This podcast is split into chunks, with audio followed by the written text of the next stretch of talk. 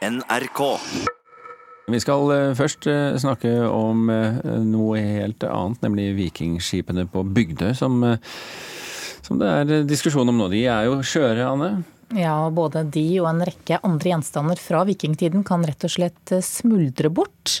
Etter flere år har forskere nå funnet metoden for å redde disse skipene på Bygdøy, men pengene til å gjennomføre redningsaksjonen mangler. Kulturhistorisk museum er redd for at deler av vikingarven kan forsvinne for alltid dersom politikerne ikke bevilger nok penger. Vikingskipene på museet på Bygdøy støvsuges og støttes opp. Bekymringen for vikingskattene er så stor at Kulturhistorisk museum nå har sendt et bekymringsbrev til Kunnskapsdepartementet. Vi er da bekymret for at politikerne ikke skal forstå alvoret og prioritere dette i forbindelse med budsjettet. Forfallet virker uavhengig av politiske beslutninger. Tyngdekraften forsvinner ikke pga. politiske beslutninger. Og det er de store kreftene som truer med å bryte denne samlingen sammen. Og det har skapt internasjonal interesse at direktør Håkon Glørstad ved Kulturhistorisk museum beskriver situasjonen som prekær.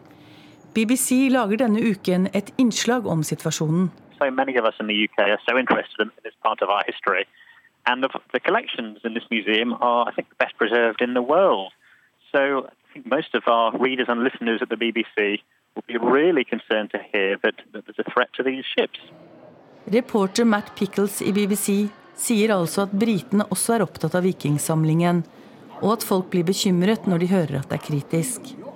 Nå er det siste håpet statsbudsjettet som legges frem i oktober. Her er det snakk om store gjenstander som har vært i jorden i mange, mange, mange hundre år og som krever store investeringer. Og Det å gjøre en ordentlig investering nå i å ta vare på denne verdensarven for ettertiden, det krever mer enn 30 millioner. Forskningsminister Iselin Nybø har ikke hatt anledning til å stille til intervju. Men departementet opplyser at de har gitt 35 millioner kroner de siste fire årene. Hva som eventuelt kommer i statsbudsjettet i høst, ønsker de ikke å kommentere. Vi har nå en, en metode for å stoppe det på, og vi, nå er det bare å trå til, tenker vi. Men Hva skjer hvis dere nå ikke heller får eh, penger i dette budsjettet? Ja, Da fortsetter ødeleggelsen av samlingen eh, gjennom eh, de kreftene som virker på, på vikingskip og, og, de andre gjenstandene i samlingen. Og Det øker jo også belastningen både på oss og på politikerne, for dette er verdensarv. Hele verden er opptatt av vikingskipene og samlingene på Bygdøy. Og det ser jo rart ut, tenker jeg, at et av verdens rikeste land ikke skal ha råd til å ta vare på det som ikke bare vi her i Norge, men verden generelt oppfatter som noe av det viktigste bidraget vi har. Reporter her, det var Marianne Rustad Karlsen. Så til noe annet som også handler om vår felles kulturarv. Reporter Oddvin Aune, Norge blir nå uten et nasjonalgalleri i en periode. Ja, Hvis det er noen kunstverk som du bare må se på Nasjonalgalleriet i Oslo, så bør du henge i, for eh, ellers kan du bli nødt til å måtte vente en stund. Det er nå klart at uh, lokalene til Nasjonalgalleriet på Tullinløkka i Oslo stenges 13.1 uh, neste år. Og dermed så blir så å si alle verkene der utilgjengelige for publikum i over eh, ett år. Årsaken er jo at alt innholdet skal flyttes til, til det nye Nasjonalmuseet som åpner ved Vestbanen eh, en eller annen gang, i løpet av 2020. Eh, hvorfor er det ikke sånn at galleriet kan holde åpent selv om de skal flytte? Ja, Det er jo det store spørsmålet. Det er jo sånn at 53 000 verk skal flyttes. Og selv om det er bare noen hundre meter, så er det et såpass eh, omfattende arbeid at Nasjonalgalleriet må holde stengt mens det pågår.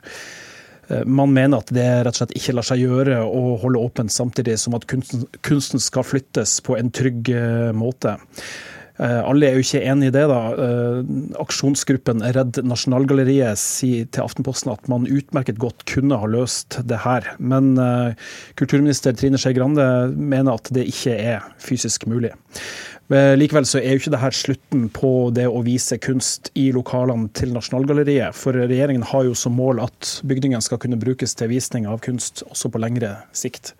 Men vil dette si at de største norske kunstverkene kommer til å stå pakket ned i over et år, da, sånn at ingen kan se dem? Ikke alt. Eh, som nevnt så er det 53 000 verk som skal flyttes, men 45 av verkene til kunstnere som Edvard Munch og Harald Solberg skal ut på norgesturné til Bergen, Trondheim og Stavanger fram til det nye Nasjonalmuseet åpner i 2020. Takk skal du ha, reporter Oddvin Aune.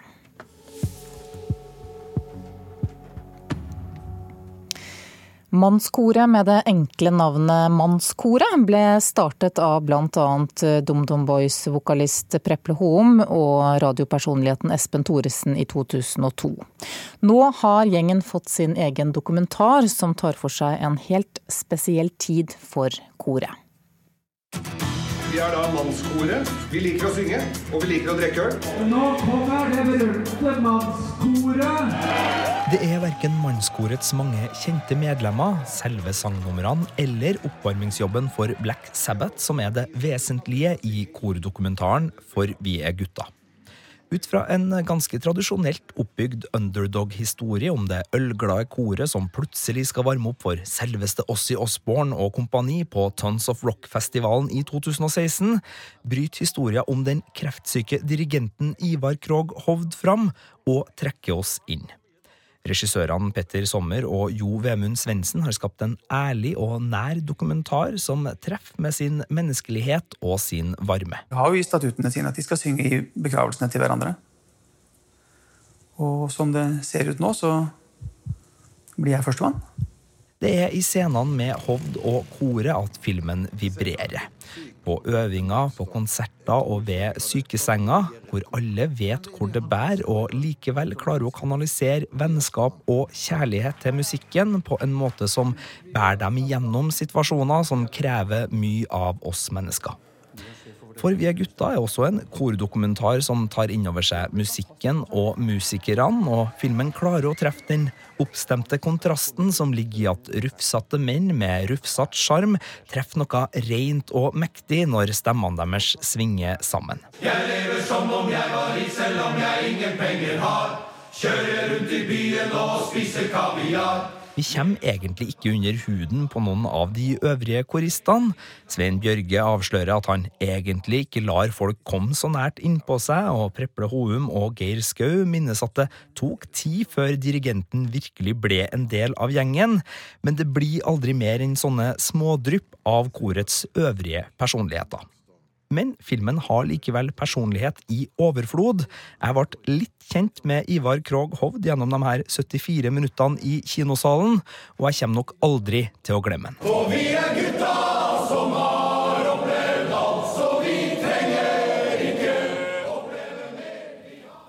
Ja, Det var kritiker Sigurd Vik som hadde sett eh, filmen For vi er gutta, og denne filmen har kinopremiere på fredag. Kan vi gjøre oppmerksom på da at en av regissørene i denne filmen, Petter Sommer, jobber i kultur- og underholdningsredaksjonen i NRK Nyheter. Fra film så skal det handle om bok nå. Forfatter Ruth Lillegraven debuterer i krimsjangeren. Hun har tidligere fått flere priser for lyrikken sin, og har også gitt ut bøker for barn. Nå er hun klar med en psykologisk thriller som har fått tittelen Alt er mitt og litteraturkritiker her i NRK, Leif Ekle. Mishandling av barn er et sentralt tema i denne romanen. Ja, det er selve utgangspunktet. Det starter i eh, barneavdelingen på Ullevål sykehus eh, en kveld, en kveldsvakt. Eh, vår ene hovedperson, Håvard, er da barnelege, og han er på vakt. Idet det kommer en mann, en aggressiv, sint mann inn med et lite barn på armen, en liten gutt, som Han er bevisstløs, og det viser seg etter hvert som de får kledd av han og begynner å ta bilder og, og, og se på han, han har alle tegn på grov mishandling. Og denne gutten mister de. De klarer ikke å redde han.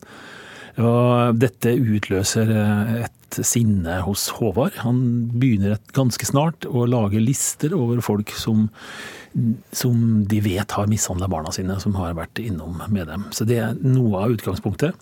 Det mer dramatiske som, enda mer dramatiske som skjer, det er at faren, etter at eh, han får vite at gutten er død, han ber om å bli vist til bønnerommet på sykehuset. Og der blir han skutt. Og litt seinere på kvelden, da. Og, og drept. Og han har innvandrerbakgrunn.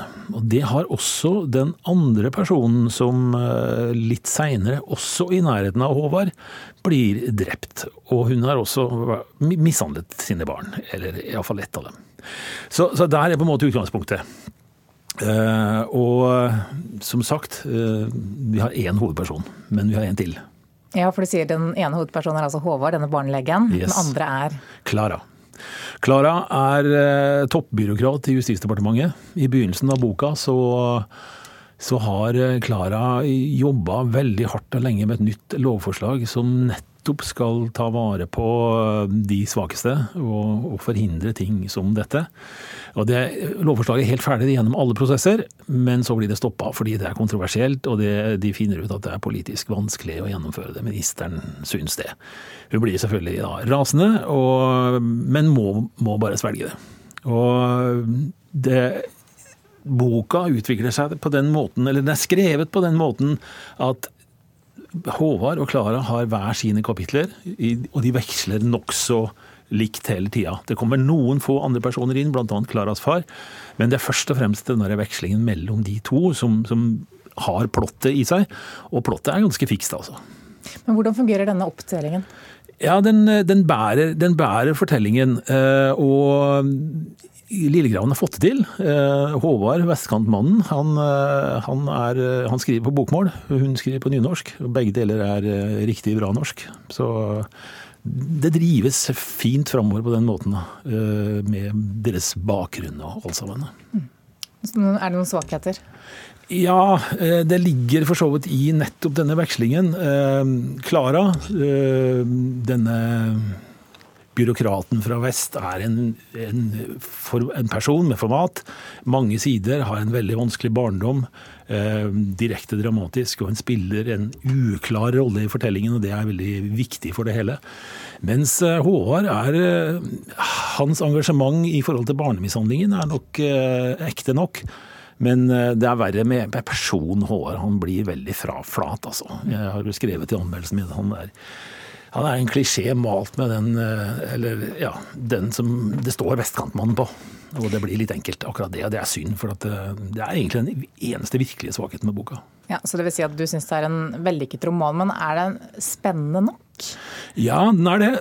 Hvis man har lest mange sånne bøker, psykologiske thrillere f.eks. av amerikansk type, så vil man nok kjenne igjen måten å gjøre det på og utviklingen i historien. Men sånn i norsk sammenheng så er den ganske uvanlig og et forsøk på å gjøre noe som er litt annerledes. Og det er ganske vellykket. Takk skal du ha, litteraturkritiker her i NRK, Leif eh, Ekle.